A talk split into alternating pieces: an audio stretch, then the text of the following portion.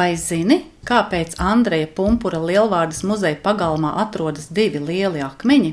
Daugavā pretī muzejam kādreiz bijusi nepilnus 15 hektārus liela sala. Andrejs Pumpurs eposā Lāčplēs to min kā Lāčplēša atdusas vietu. Daba sēroja un ap viņa dusas vietu cietu salu uzcēla. Sala bija ar kokiem un krūmiem apaugusi, uz to pāri Daugavai varēja pāriet, un māju saimnieki tur dzina ganīt savas govis. Līdz 1939. gadā ķeguma Hesa būvniecības dēļ tā palika zem ūdens. Pie salas piecu metru attālumā viens no otra atradās divi akmeņi. Viens bija ļoti liels un atgādināja gultu, otrs zemāks, līdzenāks, skaidrs, lāčplēša gulta un sega. Lielvārdiešu pūrā ir stāsti par to, kā uz lielā akmens mīlēja sēdēt auseklis Andrejs Pumpurs. Arī dramaturgs Gunārs Priede, būdams vēl bērns, bridis pāri Daugavas seklumam, lai uz akmens sildītos. Kad ķeguma spēkstacija sāka ražot elektroenerģiju, ūdens līmenim upē ceļoties, sala un akmeņi draudēja palikt dzelmē, Šo akmeņu liktenis nebija vienaldzīgs lielvārdas skolotājam, dabas pētniekam, akmeņu zinātājam Jānim Grestem, kurš ierosināja akmeņus glābt. Uzcelt pelēkos milžus Daugavas stāvajā krastā nebija iespējams, tāpēc ar divu lielaivu palīdzību kuģītis pērkons abus akmeņus ar trosēm aizvilka līdz ķegumam, kur Daugavas krasti lēzeri, lai novietotu jaunas celtās stacijas priekšā. Tur ūdenslīdēji zem ūdens akmeņiem pievienoja slēpes, un divi traktori tos izvilka krastā. Bet tērauda troses pārtrūka, un lielie akmeņi, lāčplēša gulta ar segu, palika guļam Daugavas krastā starp spēkstaciju un dzelzceļa staciju. Pēc kara vairāk kārt izvirzījās jautājums par akmeņu pārvešanu uz lielvārdu, īpaši pēc Andreja Pumpura muzeja izveidošanas, bet īstenot šo ieceru izdevās tikai tad, kad Latvijas energo piedāvāja savu tehniku un takelāžu. Līdz 1976. gada 11. augustam visi priekšdarbi bija veikti. Ar varenu mehānismu palīdzību uz platformas novietotie ar zaļganām sūnas puķītēm klāti akmeņi, spēcīgu motoru vilkti lepni brauca mājās, atstājot ķegumiešus neapmierinātus par zaudējumu.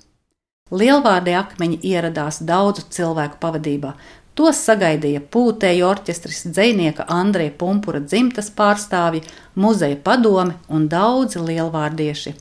80 tonnas smagā lāčplēša gulta ar 22 tonnas smago segu nogulās uz iepetonētā pamata muzeja pagalmā, tuvu senajai vietai Daugavā.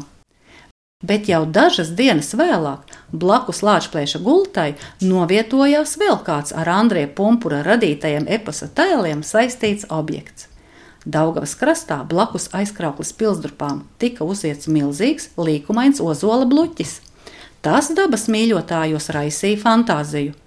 Varbūt šis bija tas pats brīnumainais bluķis, kuru savā eposā apraksta Andrejs Pumpurs. Bluķis kopā ar lāčplēs iegāzās Daugavas dzelmē, kad spīdela lidojumā pārsēdās no sava bluķa uz sērenes raganas bluķi. Lāčplēsis jau drīz bija atpakaļ aizkrauklis pilī, bet bluķis palika Daugavas atvarā pie staburaga. Visus šos garos gadus Daugavai pietrūka spēka, kas to izkustinātu no dzelmes pēc liktenīgā kritiena. Varbūt nu tas bija atgriezies mājās. Bluķis, ilgstoši atrodoties vienā konkrētā vietā, arvien vairāk cieta cilvēku nekrietnās darbības rezultātā, tika dedzināts, bieži apstrādāts ar nažiem un cirviem, bija jādomā par bluķa glābšanu. Lūgumu to saudzēt pārraidīja arī Rīgas televīzija. Neparastais notikums izraisīja pat plašas pārunas par to, vai teiksmes nāk tikai no tālas senatnes, vai tās var rasties arī mūsdienās.